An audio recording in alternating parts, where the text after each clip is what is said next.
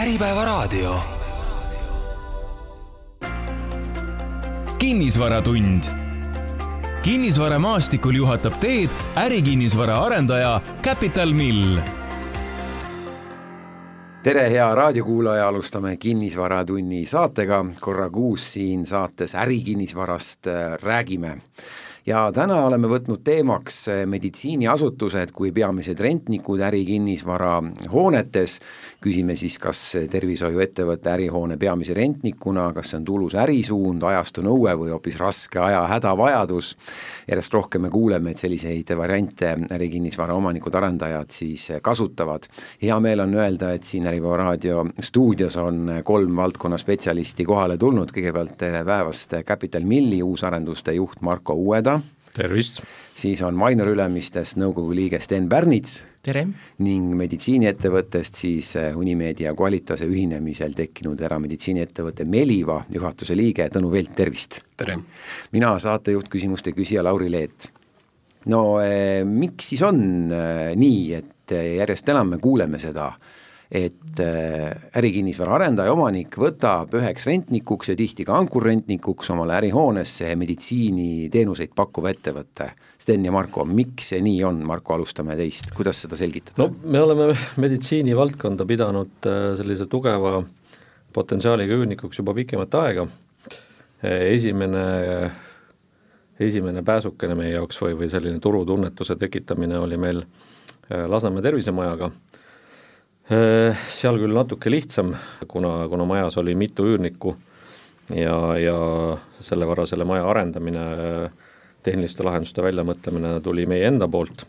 aga, aga on ka, on ka teisi case'e. tervis, tervisekeskuste puhul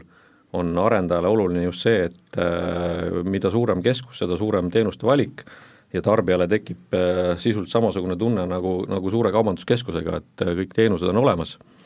ja, ja kui on selline tugev üürnik, noh siis on äh, teisipidi äh, riskid madalamad ja, ja arendajale mugavam äh, selle üürnikuga kaupa teha. jaa, mainisite, eks ole, Lasnamäe tervisemaja, mida ta praeguseks Capital Mill on maha müünud, aga nüüd me saame rääkida siis, et arendate Rävala puiestee viis ärihoonesse uut tervisemaja, kuhu siis ka Meliva nii-öelda siis tuleb selleks meditsiiniasutuseks ja,. jah, see, selle puhul me väga sellist Äh, väga suurest kogemusest veel rääkida ei saa, sellepärast et me saime sinna alles äh, äh, aprilli viimasel nädalal ehitusloa. nii et äh, projekteerimine käib meil täie hooga, seal on natuke veel minna, aga ehitustööd alles algavad. jaa, räägime sellest ka pikemalt kindlasti, aga Stenbärnits äh, Ülemistes on vähemalt üks tervisekeskus Ülemiste äh, tervisemaja ka Lõõtsa tänaval. nii äh,, aga mitte Lõõtsa, Valukoja tänaval. vabandust, Valukoja tänaval, selge, Valukoja tänaval, Ülemiste tervisemaja, aga laiemalt siis, et, et miks ikkagi järjest rohkem äh, võetakse see otsus vastu, et meil on vaja ärihoonesse ka terviseteenust pakkuvat ettevõtet või lausa tervisemaja rajada? no mina räägin meie linnaku seisukohast, et me oleme linnakuarendajad. et äh, kaks tuhat viis me hakkasime Ülemiste Cityt äh, ehitama ja juba äh, alguses mu vanaisa, kes seda kõike alustas äh,, teadis, et linnak ei saa olla ainult büroohooned.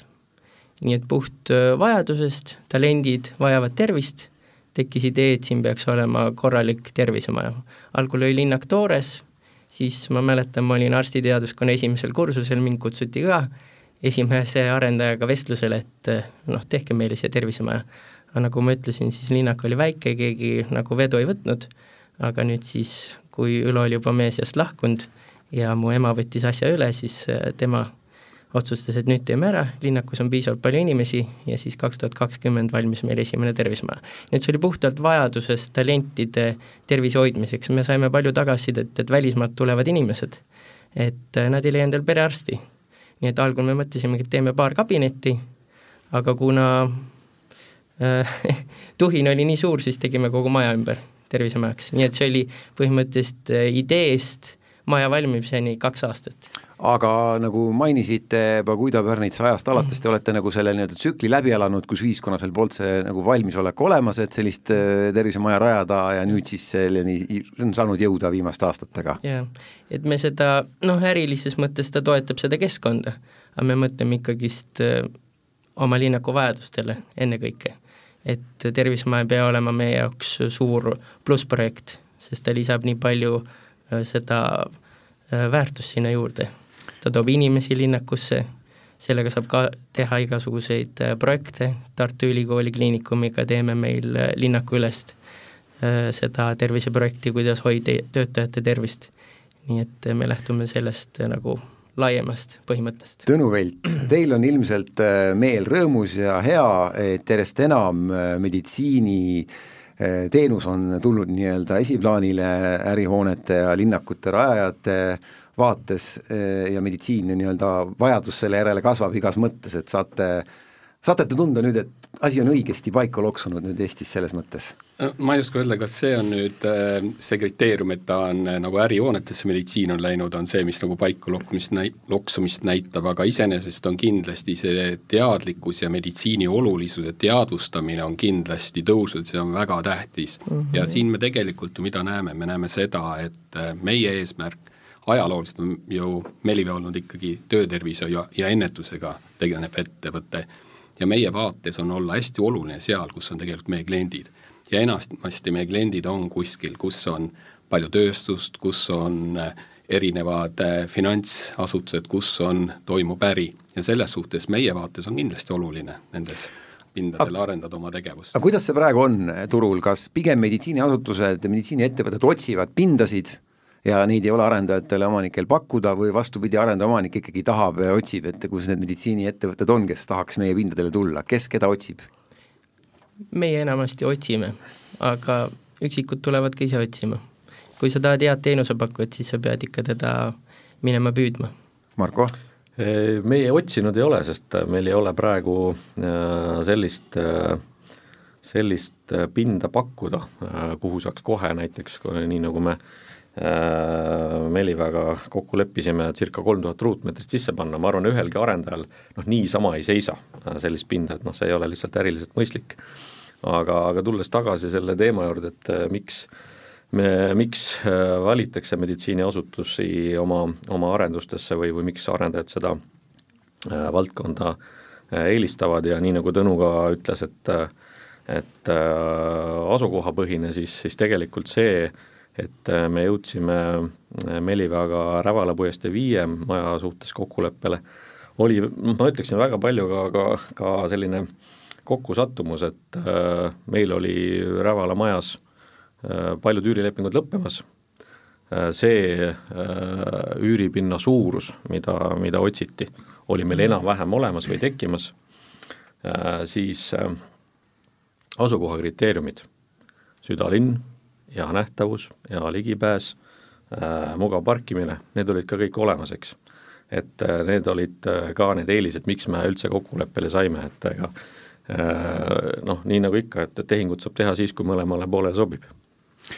kuidas need äh, läbirääkimised käivad nüüd, kui kinnisvaraarendaja omanik äh, leiab selle meditsiiniettevõtte üles, on vastastikune mingisugune huvi olemas, siis kuidas see käib, kuidas hakatakse kompama, mis äh, on vaja, et kokkuleppeni lõplikult jõuda? kas see on teistsugune läbirääkimiste protsess näiteks omaniku-arendaja jaoks, kui näiteks rääkida büroopindade või, või kaubanduspindade rentnikuga? Äh, meie hetkel arendame teist tervisemaja, see valmib siis äh, kaks tuhat kakskümmend neli suvi, nii et peaaegu juba aasta pärast, ja praegu siis aktiivselt klientide läbirääkimised käivad, meil on selleks üks inimene, kes ongi tervishoiust tulnud, nii et äh, ta tunneb neid äh, inimesi ja seltskondasid ja tema siis äh, kutsub neid meie projektiga tutvuma. siis me räägime oma väärtustest, mida me suudame pakkuda, kuna tihti on tegemist just meditsiinitöötajatega, siis nende jaoks see projekteerimine ja ruumide lahendused ja võib-olla need finantsid, üürihinnad, need tuleb neid toetada sellega, noh rohkem kui võib-olla tavalise äriettevõtte puhul aga üldjoontes tutvustate meditsiiniasutustele ühesõnaga siis oma, oma siis pinda, oma, oma ja, tingimusi? jah, oma kontseptsiooni, mis neil on, parkimine, ligipääsetavus, teised teenusepakkujad, kes juba on. palju neid Eestis umbes on, kes on need suuremad, kes on need, keda juba tasub kutsuda, kellega kohtute, mitu umbes? ärme siis nimeta kõiki, hetkel meil on siin üks kohal, aga, aga, aga mitu umbes? kui suur hulk üldse tervishoiuteenuse pakkujaid jah, keda tasub no, kutsuda? Neid on lõputult aga keda ta alates nii-öelda perearstidest kuni iluteenusteni välja. ja sellised väikesed, aga ütleme, sellised suuremad, keda te kutsute oma kontseptsiooni tutvustama. aga no suuri, no ikka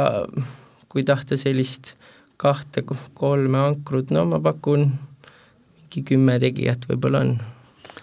jah, ega ma olen nõus, et ega neid on, neid on vähe ja, ja samas ega, ega, ega ei, ei saagi noh, isegi palju minu meelest, et sest Eesti turg on ju nii väike mm, -hmm. et ja, ja kui me räägime tasulisest meditsiinist, siis, siis kindlasti vaadatakse ka äh, mitte arendaja, pigem äh, üürniku poolt äh, äh, maksejõulise kliendi poole, et kus on see klient, kes on see klient, eks ole, et selle pealt tehakse siis otsuseid, et aga, aga jah, need läbirääkimised ikka, kuidas ja, need toimuvad? läbirääkimised äh, noh, sõltub sellest, mida, mida teha, et kas teha äh, monoüürnikule maja või, või, või paigutada ühte arstikeskust olemasolevasse hoonesse need on minu meelest täiesti kaks eri asja ja, ja kui kuidas eh, tasuvam, kuidas tasuvam on? Eh, tasuvam on kindlasti kohe uus teha, sest, sest nii siis ei pea, siis ei pea olema kinni olemasoleva maja füüsi-, füüsilistes piirides, saab kohe projekteerida õige asja, eh, noh, seal on, seal on väga palju, väga palju asju, et kui hiljem aega on, saame rääkida. aga, aga ma peaks ütlema, et et meil võttis selle paketi kokkupanemine viisteist kuud, et allkirjani jõuda kõik, kõik nagu tehnilised lahendused, ruumilahendused, äh, väga palju juriidilisi küsimusi, et äh, kui võrrelda näiteks tavalise büroo kliendiga ja kindlasti büroo klient on üldjuhul ka palju väiksema pinnahuviline, siis see ajakulu ja ressursikulu on ikkagi kordades erinev, vähemalt meil oli. Tõnu Velt, teie vaates, kui te hakka-, asute läbirääkimistesse potentsiaalse pinnapakkujaga, siis kui keerulised või kui valulised need tavaliselt on? No mulle ei meenunud väga palju valu, aga, aga ilmselgelt on need keerulised, eriti siin nendes olukordades, kus me tegelikult hakkame ehitama juba olemasolevasse hoonesse, eks ole. see tähendab seda, et me peame tegelikult arvestama selle aknasammuga, me peame arvestama nende lagede kõrgusega, mis meile on ette antud ja mis on olemas ja mida me ei saa muuta sest ju meie tegevus käib ju, ma nüüd võin eksida, aga ma arvan, see dokumendi nimi on vist nõuded eriarstiabi osut-, haiglavälise eriarstiabi osutamiseks, kus on selgelt kirjeldatud need ruumide suurused, milline peab olema see müra äh,, takistused, missugune peab olema see naturaalne valgustus ja nii edasi ja nii edasi. et need on ju tegelikult esimene lähtepunkt, meil ei ole mõtet hakata rääkima hinnast ja, ja millestki muust, kui me ei saa tegelikult nende põhitingimustel esi-, esmaselt nagu kokkuleppele või me ei saa või siis ütleme, rendileandja ei saa, arendaja ei saa neid tagada, nii et see on tegelikult esimene osa. võib jääda ka kohe pooleli, et kui no, kompate vaatate, neid nõudeid ei ole ja neid ei saa tagatud, siis jääb asi katki. jaa, kindlasti see ei ole ju, siis sellele ei ole ju mingisugust on, on, on olnud neid juhuseid, kus on ei, ma arvan, me nii rumalasti ei ole vist kunagi sattunud, me oleksime pikalt neid asju arutanud ja siis avastame, et tegelikult äh, ruumis ei ole aknaid või või, või mida iganes, et ei, ei ole päris nii, ei ole läinud. aga see Marko välja toodud viisteist kuud äh, esimesest läbirääkimisest kuni lepingu sõlmimiseni, siiani, kas see on selline adekvaatne, on teie kogemus ka umbes sama pika perioodi peale, ütleb? meil on kokku, Melival on kakskümmend kaks kliinikut üle, üle Eesti ja ma arvan, et et meil ei ole ligilähedast ka sellise pikkusega läbirääkimisi olnud, et see on nagu olnud päris, päris tõsine diskussioon ja, ja see ei ole mitte nüüd sellepärast, et keegi oleks nagu pidurdanud või pahatahtlik, vaid see on, esiteks ta on suuruse mõistes meil täiesti totaalselt teine, me tahame väga pikaajalist rendilepingut ja, ja need kõik asjad mõjutasid äh, nende läbirääkimiste pikkust. ja tegelikult täpselt samamoodi, et aru saada, kas me tegelikult saame sinna seal seda teenust osutada, mida me tahame jah, tegelikult äh, Tõnule lisaks veel, et, et nii oligi, et ega me alguses äh, kui me vaatame kogu seda perioodi, me ei hakanud kohe lepingust rääkima, me hakkasime kõigepealt vaatama, mida saab teha, kuidas saab teha, siis noh, tegelikult küsimus oligi selles, et kas meditsiinikeskusele endal on teada, mida ta tahab, kui suurt keskust ta sinna tahab. et see oli tegelikult selline samm-sammult areng ja ja me alustasime oluliselt äh, väiksema mahuga kui see, milleni me lõpuks äh, välja jõudsime. ja, ja, ja selle, äh, kogu selle protsessi käigus tekkis meil uusi võimalusi, mida me, ma arvan, üsna hästi ära ka kasutasime. et mille tulemusel siis sinna Rävala majja tuleb päris kena, päris huvitava arhitektuuriga, sisearhitektuuriga lahendus, aga, aga noh, vähemalt äh, pool ajast äh, läks nende erinevate lahenduste kompamisele läbi, läbi joonistamisel, et kuhu ja millise, millist tüüpi raviteenuseid üldse pakkuda saab, sest me rääkisime esialgu vist neljast erinevast korrusest ja nüüd me oleme esimene, teine, kolmas korrus, et ja see võttis ka aega ja lõpuks siis äh, äh, jõudsime nii kaugele, et me hakkasime reaalselt projekteerima äh,, projekteerimine, selline tõsisem projekteerimine läks lahti septembri algusest eelmisel aastal ja siis paralleelselt või natuke enne hakkasime rääp-, rääk-, rääkima ka lepingutingimusi. Ja, ja mida kaugemale me jõudsime projektlahendusega, mida rohkem selgemaks me selle saime, seda vähem äh, kõhklusi ja kartusi mõlemal poolel jäi. Et äh, see oli ka, noh tegelikult oligi üks e eeltingimusi, et me saaks äh, mõlemad või mõlemad pooled äh, saaksid selgeks, et mida tahetakse, mida teine pool tahab ja mida saab teha. ma tahtsin veel enda poolt lisada, et mina olen märganud, et mida suurem on rentnik, seda raskem on leping. et esimeses majas meil oli kvalitas kõige suurem, see oli kõige raskem leping, mida sõlmida, ei noh, see oli suur pind ja kõik tuli läbi arvatud ja kõik on midagi venima seal jäänud ja nüüd teises majas meil on avalikus sektoris Tartu Ülikooli Kliinikum Ankur ja nendega lepingu läbirääkimised on olnud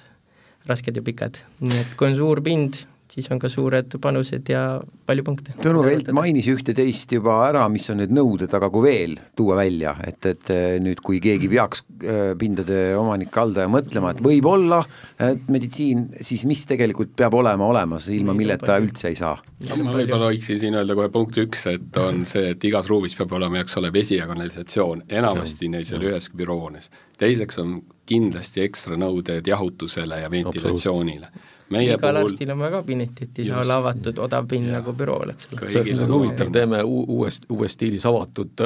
arstikeskuse ei tule kõne alla. siis eks ole, jahutuse koha pealt, kui me mõtleme hambaravi, või noh, mõtled hambaravi, et selline noh, arsti vastuvõtt, tegelikult see on väga raske füüsiline töö mm.. suvistel, äh, suvistel väljas, kui on kõrged temperatuurid, on väga raske, kui on selles ruumis rohkem kui kakskümmend, kakskümmend üks kraadi, eks ole, et seal on nagu see tavaline no ehitusnormid, eks ole, ei päde siin mm, -hmm. et need on kõik sellised pisi, pisinüansid ja, ja need on niisugused, ütleme, üldine ambulatoorne töö, aga kui me läheme siin veel spetsiifilisemaks, kuskil mingid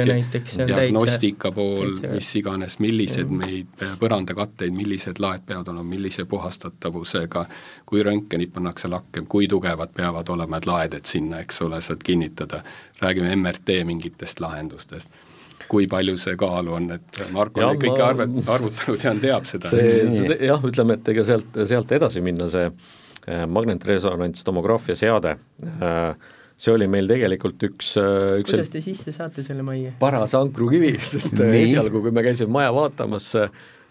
noh, see seltskond, kellega, kellega me oleme suhelnud ja, ja koostööd teinud arstikeskuse poolt, et üldse lepinguni jõuda, oli no suurusjärgus viisteist inimest, et kõikidega pead siis äh, erinevaid tingimusi läbi rääkima, kokkuleppele jõudma, aga aga meil oli alguses selline äh, huvitav plaan, ilma et keegi oleks midagi mõelnud, et äh, paneme selle masina keldrisse, eks mm. -hmm. ja keldri kõrgus äh, kaks koma üheksa meetrit äkki või?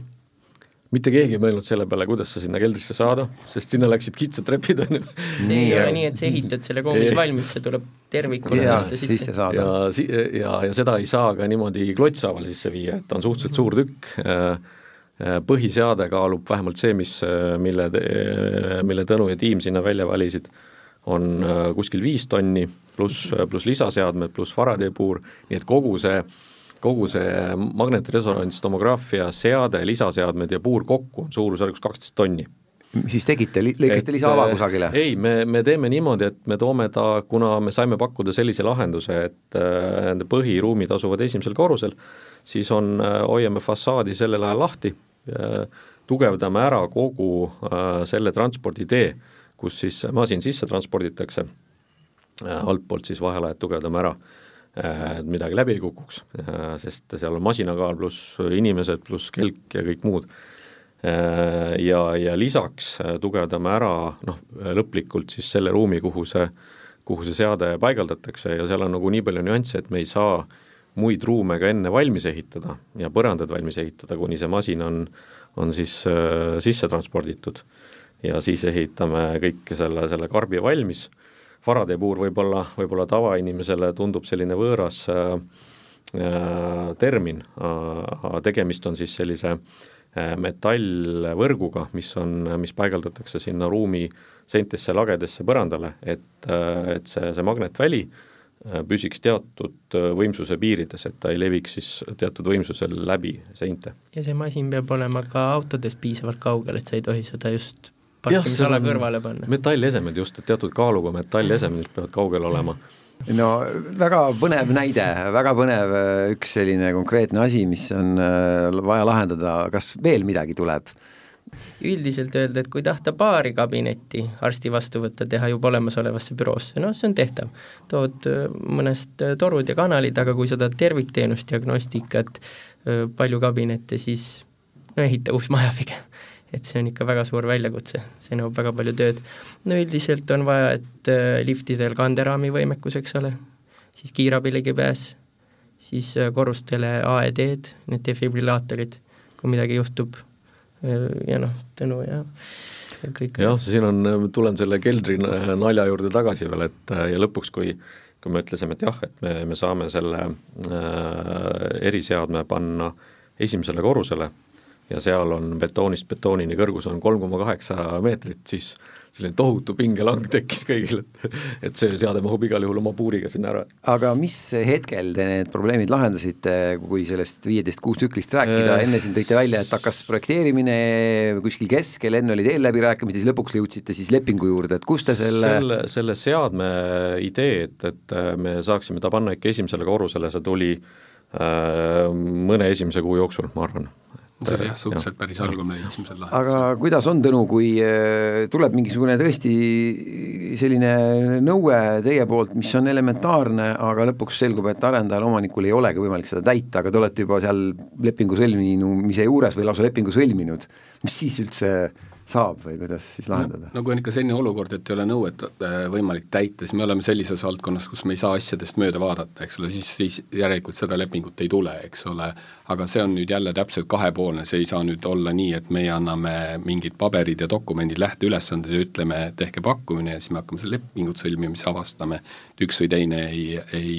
vastane nõuetele, ma olen ju nii Steni kui, Marko koostööd teinud, et see on tegelikult pidev selline suhtlus ja, ja, ja, ja sellise hea lahenduse otsimine siin, ma arvan, et meie valdkonnas või selles meditsiini toomisest oma ruumidesse, see vist ei tööta, kui kumbki hästi jäigalt ajab mingit oma rida, vaid siin on nagu ilmselgelt see koostöö osa ja see usalduse koht on hästi-hästi tähtis. mida töötajad teil ootavad, mis on sellised kaks-kolm peamist asja, mida nad äh, tahavad, et oleks olemas, kui te uutesse ruumidesse olete minemas? no ma arvan, et kõikide töötajate ootus on ju alati see, eks ole, et, et kui sa lähed mingisse uste kohta, et need töötingimused, me räägime sellest samast, ma nimetasin ventilatsioon, jahutus, et see oleks selline, mis su esmane nõudmine on. teine nõudmine on see, et kui ma oma tööd teen, et mul oleks korralikud seadmed, me oleme taganud sellise diagnostilise võimekuse oma majas, et inimesed, kui ma teenust osutan, siis mul on tegelikult võimalik saada kogu see, kogu see selline tehnoloogiline abi ja võimekus olemas, ma arvan, et need on, ja loomulikult ju inimesed, kes töötavad meie juures ju tahavad tööd teha, see tähendab seda, et ta peab olema kohas, kus ka inimesed käivad. et sellel ei ole meil ju mõtet teha äh, ma ei ütle ühtegi asukohta, et mitte kedagi solvata, aga põhimõtteliselt ei ole keskele mitte kuhugi, kus midagi ei ole, ei ole mõtet ju püsti panna, kuigi sul on tõenäoliselt lihtsam teha, nagu Sten ütles, et ehitame uue uue maja ja uue ruumi, aga kui me võtame Ülemistet või võtame siinsama kesklinna, siis sul on piiratud võimalused, eks ole, et kui me tahame kesklinnas olla, siis me peame leidma sellest parimast, mis siin olemas on. Et, et jah. asukoht ja ligipääsetavus on Just. arstidele endale tööle sõitmise ja ka klientide mõttes väga olulised äh, kriteeriumid. rääkisime saate esimeses osas nendest nõuetest, äh, mis on meditsiiniettevõtetele, et, äh, et ärihoonetes nad saaks oma tegevusega alustada, rääkisime läbirääkimiste protsessist ja tuli, tuli välja, et need on üsna keerukad, need nõuded võivad olla üsna spetsiifilised ja väga paljudel juhtudel ongi ja mis tähendab, et arendajal, omanikul on äh, keerulisem äh, kui äh, näiteks büroo või, või kaubanduspindade rentnikega, miks siis seda üldse teha või, või, või mis on siis see ajend, et ikkagi me teeme selle, võtame selle raskuse ja võtame sellise meditsiiniettevõtte, kellel on ka seal diagnostika või kirurgia sees, kust väga palju erinevad nõuded tulevad, Marko, miks siis ikkagi võtta omale see raskus kaela? Ehm, ma ütleks, esimese märksõna on üürniku stabiilsus et äh, noh, me võime vaadata äh, valdkonda tervikuna, et mõni valdkond on arendajale noh, tõenäoliselt parem, mõni, mõni kehvem või, või nõrgem, meditsiin üldjuhul parem, kui me räägime lepingutest, siis me niikuinii vaatame ettevõtte tausta igat moodi aga, aga pigem on jah, just sellest stabiilsusest, see sõltumata sellest, kui palju arendaja investeerib, kindlasti investeerib arstikeskusesse üürnik ise ja päris suurel määral. Ja, ja see tähendab seda, et noh, sellist äh, sellist olukorda, et, et iga kahe-kolme aasta tagant võiks tekkida mõte kuskile mujale kolida või vaadata, mida muu turg teeb ja äkki kuskil on midagi paremat või ilusamat, et see ei ole reaalne. Ja, ja, ja see stabiilsus on just arendajale oluline, noh, see on ka selge, et et arstikeskuse kõik teenused ei ole sama sama tulususega arstikeskusele endale. Ja, ja on, on selliseid äh, sellised teenused, mis on äh, väiksema marginaaliga, mis on kõrgema marginaaliga, meile tundub, et et äh, pigem on äh, see maksevõime võib-olla natuke väiksem kui mõnel võimsal IT-ettevõttel, eks, aga ja, ja meie rentaablus on ka mõnevõrra väiksem või ongi väiksem, aga me saame just stabiilsuse ja, ja ja kui on pikk üürileping ja meil on sisuliselt garanteeritud läbi mitmete-mitmete aastate püsiv rahavoog, siis see on see, mis, mis selle otsuse kasuks äh, ütleb. Sten, kinnitate ka, et, et äh, selline stabiilsus ja püsivus on, on, on, on see kõige olulisem? kinnitan Marko kõiki punkte, stabiilsus äh,, siis äh, see, et äh, nad on ikkagist noh, me vaatame jälgis linnaku poolest, nad on teenusena äh, meie inimestele ääretult vajalikud ja siis äh, äriprojektina nad kindlasti on vähem kasumlikud, sest lihtsalt see pind, sinna tuleb nii palju rohkem investeerida. ja ei pruugi olla nii, et see ettevõte, tervishoiuettevõte ise investeerib, et näiteks perearst, kui tema tuleb, tema toob oma mööbli, aga tema ei hakka seal su neid lisaseisnasid, uksi, kraanikausse kinni maksma, et see võib olla suure eraettevõtte puhul teemaks, kes tahab oma materjale ja asju, aga tuleb arvestada ka, et arendaja peab ise rohkem raha sisse panema. Marko ja Sten, kui palju peab rohkem arendaja panema? loomulikult eh, täpset summat ei saa öelda, kõik sõltub projektist ja nii edasi, aga mingisugune suurusjärk võrrelduna, võrrelduna no, siis muu? Eh, võib-olla, võib-olla meil on huvitavam öelda, sest eh, noh, kui Sten arendab uut maja, siis meil on arendamine olemasolevasse majja, seal me saame täiesti hästi võrrelda, kui palju me kulutame uuele büroole, noh, kaasaegsele büroole ja kui palju me kulutame siis või, või, või, või tuleb kulutada äh, üürileandjal äh, või tähendab üürnikul, et, et see kaasaegseks bürooks ehitada ja see, see suurusjärgu vahe on noh, umbes kaks korda. sest mm. ja, ja millest see tuleb, sellest oli varem juttu, esiteks on tehnosüsteemid, ventilatsiooni õhukogused on, on oluliselt suuremad, see tähendab teistsuguseid sahte, suuremaid torusid, rohkem torusid, Äh, tuleb võib-olla ka erinevaid, äh, ütleme, kallimaid torusid kasutada, kuna äh, suuremat läbimõõtu või suurema läbilaskevõimega torude puhul ei saa kasutada alati ümmargust, tuleb kasutada kandilist, kandiline kallim, eks ole, siis nagu Tõnu juba mainis, et kõikides kabinettides on vaja valamuid, see tähendab vett ja kanalisatsiooni, no büroos ei ole kindlasti igas kabinetis vaja sellist lahendust, siis on valgustusel on kindlasti eri, erinõuded äh, Äh, müra on kindlasti väga oluline, äh, noh, tõenäoliselt vaadatakse seda äh, ka, ka kasutajate poolt oluliselt rohkem kui näiteks büroodes, siis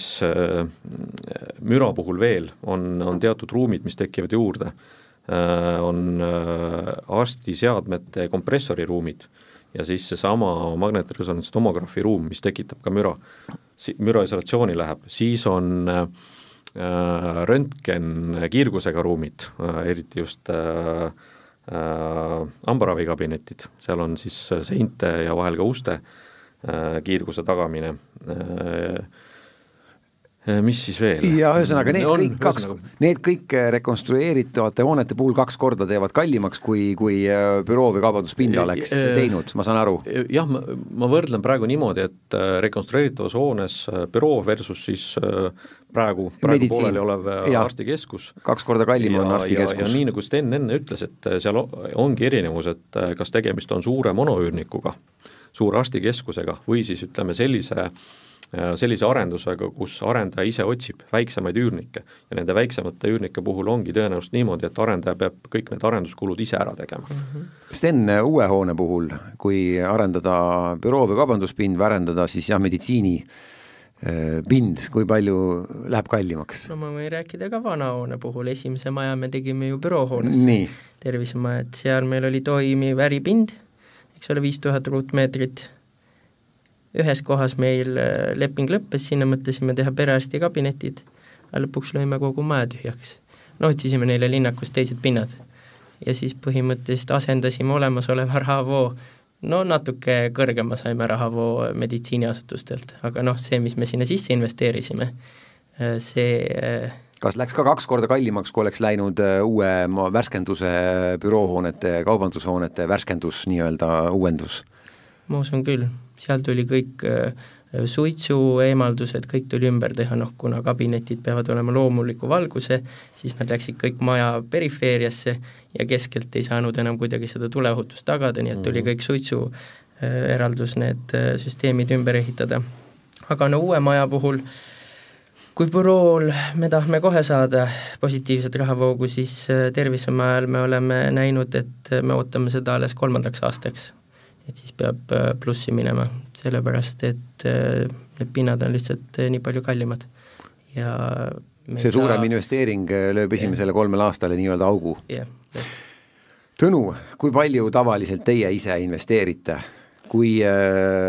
kui palju te peate investeerima, et saaks selle asja valmis, kui palju arendaja, omanik, kinnisvara pinnaomanik teile nii-öelda ette ära teeb tööd?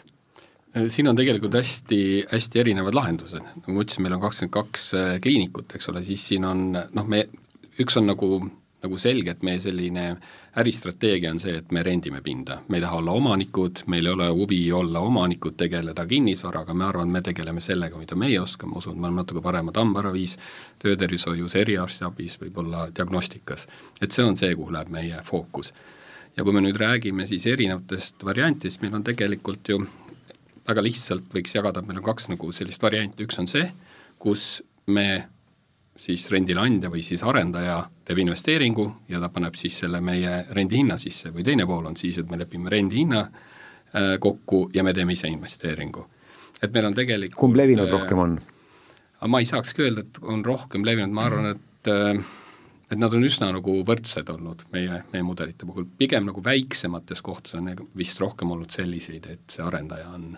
on ise teinud investeeringuid. kõlab nagu mugavamalt, aga jälle, jällegi, kui hilisem rendihind on selle võrra kõrgem, siis, siis jällegi, et, et mis siis üles kaalub, aga mille, seda mida me, te, seda me arutasimegi viisteist kuud kuidas see mõistlik on. aga mis siis üles kaalub, mille teie jaoks, No, mida see-, mis on teie parim, eelistatuim äh, variant? mina ei ütle, et on eelistus, ma arvan, et iga kord me võtame selle väga selgelt erinevalt, iga, iga projekti juhul, meil ei ole sellist ühte selgelt äh, mudelit, et me tahame ise investeerida ja madalat renti või vastupidi, me tahaksime maksta, ma arvan, et see on nagu tegelikult kogu, kogu turukonjunktuur ka tegelikult väga tihti seda nagu määrab, kumba me tahame, kuidas, kas me tahame nagu, kas meil on raha palju kuskil üle, me tahame ise panna raha või meid, või me ütleme, me teeme need kulud, eks läbi siis nende rendikulude kuskil hiljem. kui raha sisse panna, vabandust, kui raha sisse panna ise, kas ka kolm aastat on see, mis äh, nagu äh, omanikulgi äh, on see, mis tekitab augu või, või tekitab teil see pikema augu? ei, me, meie ei vaata sedasi kindlasti, me vaatame ikka tegelikult kogu selle, selle projekti vaates, meie ei vaata nagu kinnisvaraarendajad, kas ta on kahe või kolme aasta pärast. aga seesama magnetmasin, suur kallis, kui palju see maksis, kas saab öelda ja kes selle kinni hetkel maksis? Äh, ma, see, see on ikkagi arstikeskus see on selge, et kõik see, nii ütleme, kõik, mis liigub ja mis on need vahendid, röntgenid, ultraheliaparaadid, MRT-d, et need on ikka aga see meie... maksab sadu tuhandeid eurosid, ma pakun täiesti lahesti puusalt. Te, te ei eksi. Seda ei ole lihtne ka, seda on suhteliselt lihtne ka vaadata. jah, jah, Sten. Äh, ma tahtsin öelda, et see, kas nüüd äh, see lisaarenduskulu läheb äh, rendi hinna sisse või siis tervishoiuteenuse pakkuja maksab selle ise kinni, see sõltub väga paljuski, et kas tal on raha. et noh, meil on, eks ole, kaks tervisemaja linnakus, mida me arutasime, aga me avasime ka see aasta, nüüd alles avasime, ühes büroohoones oma kõige uuemas Alma majas eh, kirurgiakliiniku. Ja neil, no neil on veel keerulisem seda teha, sellepärast et nad peavad kõik oma operatsiooniplokid eh, tellima, need pannakse seintega sinna noh, juba valmisolevasse ruumi püsti, kõik eh, ventilatsioonid, valgustused, sterilisatsioon, see on täitsa juba järgmine kraad, et kui alustab täitsa tühjast kohast kirurgiakliinik, siis arendajana Äh, me oleme nagu toeks olnud, et noh, kõik need äh, seadmete liisingud ja need äh, opisaalid, et me siis maksame ja nemad siis panevad selle rendihinna sisse. nii et kui on suurettevõte nagu Qualitas, siis nemad saavad mõelda, kas rendihinna sees või siis ise maksavad, aga kui on alustav ettevõte, siis nad tihti vajavad arendaja abi, et arendaja võtaks selle esialgse investeeringu endale ja paneks siis selle rendihinda või kuidagi ajataks neid investeeringuid kas, äh, tähendab, kuidas see mõjutab nüüd äh, arendaja, omaniku äh, siis ka krediidivõimekust renomeed üleüldse partnerite silmis, kui teil on nüüd meditsiiniettevõte ka olemas oma portfellis nii-öelda? kas see kuidagi tõstab seda? Jällegi, ega, ega, ega see, see väärtus krediidivõimekuse läbi või, või maja väärtus, see ei sõltu ainult valdkonnast, et me vaatame ikkagi nagu seda Äh, konkreetset lepingupartnerit äh, noh, kogu, kogu tingimuste komplektina, et ettevõtte äh, finantstaust, käivet, kasumit äh,, noh, ma toon üleüldise näite, eks ole, et, et kas on mingisuguseid maksehäireid, milline on tema, tema renovee, renomee,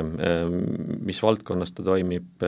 ja nii edasi ja nii edasi, et siis veel, siis sinna juurde tulevad lepingutingimused, et kui pikk lepingutingimus, kes või mida ja kui palju peab investeerima, toon ühe näite, et äh, näiteks on, on väljend, et meil on viieaastane leping, aga seal lepingus on selline punkt, et on mõlemal poolel võimalik leping äh, Äh, mis tahes äh, tingimustel kolme kuu pärast või kolmekuulise etteteatamisega üles öelda, siis see tegelikult ei ole viieaastane leping. kolmekuune leping. just, on ju. Sten, kuidas on see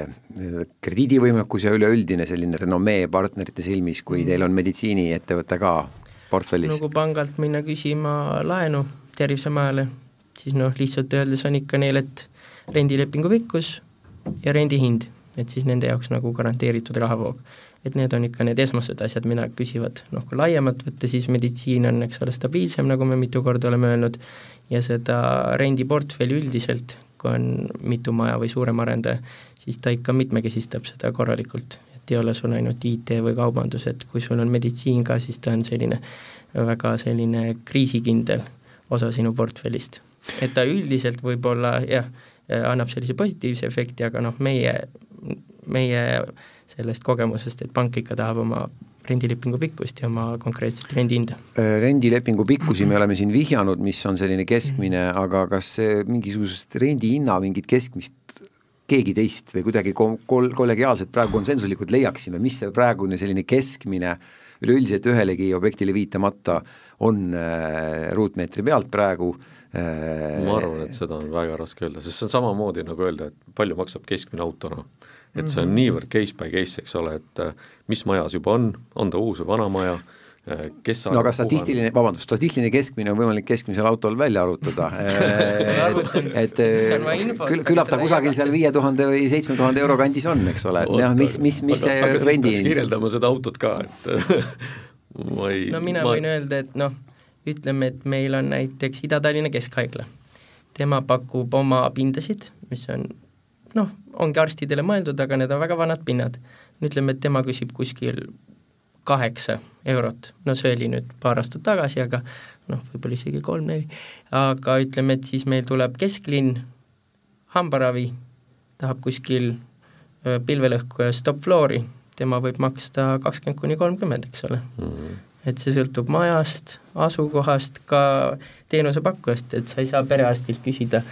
sama palju, kui sa küsid era. küsin Tõnu Velt siis niipidi teie käest, et äh, kas on äh, mingisugused ekstra magusad kohad, kus te olete nõus rohkem maksma, ongi näiteks kesklinn või? ei no see on selge, ma arvan, et selle paneb ju turg paika, et me oleme ka, et kui ma mõtlen, et tõenäoliselt Jõhvis ja Võrus ja Lihulas me maksame natuke vähem, eks ole, renti, kui me maksame Ülemistel või aga nüüd natuke, natuke vähem, mitte oluliselt vähem? noh, ma ei julgeks öelda oluliselt ikka jah, on aus, aus vastus. Küsimus on selle, kas oluline on sada protsenti või oluline on kümme protsenti, eks ole. aga, aga jah, et kui nüüd võtta keskmine, siis ma arvan, et see on väga keeruline mõelda, kui me jagaksime oma kakskümmend kaks, need on täiesti erinevate funktsionaalsusega, erinevad äh, väljaehitusstandardid äh,, erinevad võimekused, et noh, ma arvan, et see on, ei ütleks liiga palju, kui ma ütlen näiteks, et keskmine on viisteist eurot või, või, või keskmine on seitseteist või keskmine on kolmteist, noh ma oleks viisteist, ma oleks just viisteist küsinud no, järgmise küsimusena. ma tahtsin veel öelda, et eh, noh nii et ei ole tegelikult rahas, jah, ma korra ütlen veel, et ta on nii, nii erinevad. jaa, no arusaadav. seda tuleb arvestada ka, et noh, ehitushinnad on kallimaks läinud ja uusarendustel sa ei saa nii nii, nii vähe pakkuda, nagu need äh, vanad hooned. jaa, kas need nõu-, kõrgenenud nõuded äh, temperatuuri, ventilatsioonile, niiskusele, kõigele, kõigele tähendavad ka kommunaalkulude, kõrvalkulude noh, oluliselt äh, kõrgemat määra kui tavapinna puhul? oluliselt ei pruugi, aga, aga võtame kas või niipidi, et, et see Rävala puiestee viismaja, kus noh, pean kiitma Tõnu ja Tõnu tiimi, et et nendel on olemas teadmine, mida nad tahavad, et nendega on selles mõttes hea asju ajada, et ja, ja rääkisime jahutusest äh, ja, ja kuna nende praktika näitas, et, et äh, normide järgi projekteeritud jahutuse puhul äh, seda äh, ruumis reguleeritavat temperatuuri või just seda madalamat temperatuuri ei ole võimalik saavutada, just tänu sellele, et ka Eestis on kliima läinud kuumemaks. ja siis me Rävalas leppisime kokku niimoodi, et me võtame äh, arvutuse aluseks äh, palju kõrgemad temperatuurid ja siis lähtume nendest äh, kõrgematest temperatuuridest ja selle põhjal arvutame siis juba selle äh, jahutusvõimsuse just, et kuna meil kliima soojenemine on ja mis on siin kahekümne, kolmekümne aasta tagused andmed, need ei ole enam adekvaatsed. siis teine asi veel, kui on vaja suuremat õhukogust või, või ventilatsiooni õhku, see tähendab seda, et sul on vaja võimsamaid masinaid, jällegi, sinna läheb elektrit, et kõik, mida me tahame paremini või võimsamat, noh sinna ikkagi nagu elektrit kulub, eks on kõrgemad kommunaalmaksed, Sten, sellistel? on, aga rohkem mängib rolli maja vanus. näiteks Aha. Äh, see tervisemaja, mis me ümber ehitasime, äh, ja nüüd see täitsa uus, mis me ehitame, noh, päikesepaneelid ja kõik need nõuded, mis on, äh, pluss siis kaugjahutus ja kaugküte, et kommunaalid on kaks korda erinevus, et ikka uus maja annab efekti, isegi kui see on tervis. Tõnu, väga palju on siin kinnisvara valdkonnas räägitud, et kuna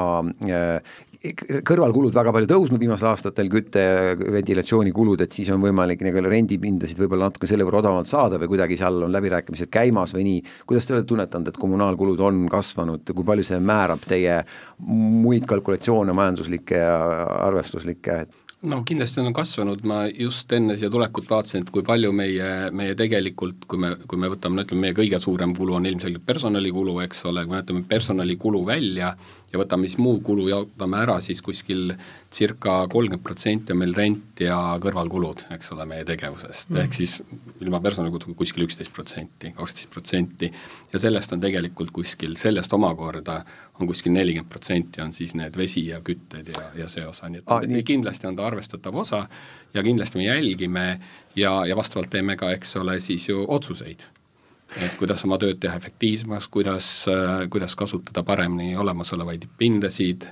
et äh, lõpetuseks, meil hakkab aega läbi saama, äh, Tõnu Velt, ühiskonnas on viimasel ajal järjest rohkem hakatud rääkima sellest, et äh, erameditsiin hakkab teatud rolli suuremat määrama, uus koalitsioon ka vihjeid on teinud, äh, kuidas teie tunnetus on, kas see annab omakorda tõuke, et, et kinnisvaraettevõtted ka järjest rohkem äh, suunavad oma tähelepanu ka sellele, et teiesuguseid ettevõtteid oma pindadele meelitada ja võtta ja, ja paluda ja et see on nagu nii-öelda ajastu nõue erameditsiini Hmm, osakaalu suurenemine ka ühiskondlikult, poliitiliselt? Ja kindlasti ta suureneb, selles ma olen täiesti veendunud ja samas me ju teame ka väga selgelt, et ikkagi solidaarne kindlustus ja, ja HVA haiglate roll jääb tugevaks ja see on tegelikult, saab olema Eesti meditsiini alus. kui ma võtan teistpidi, et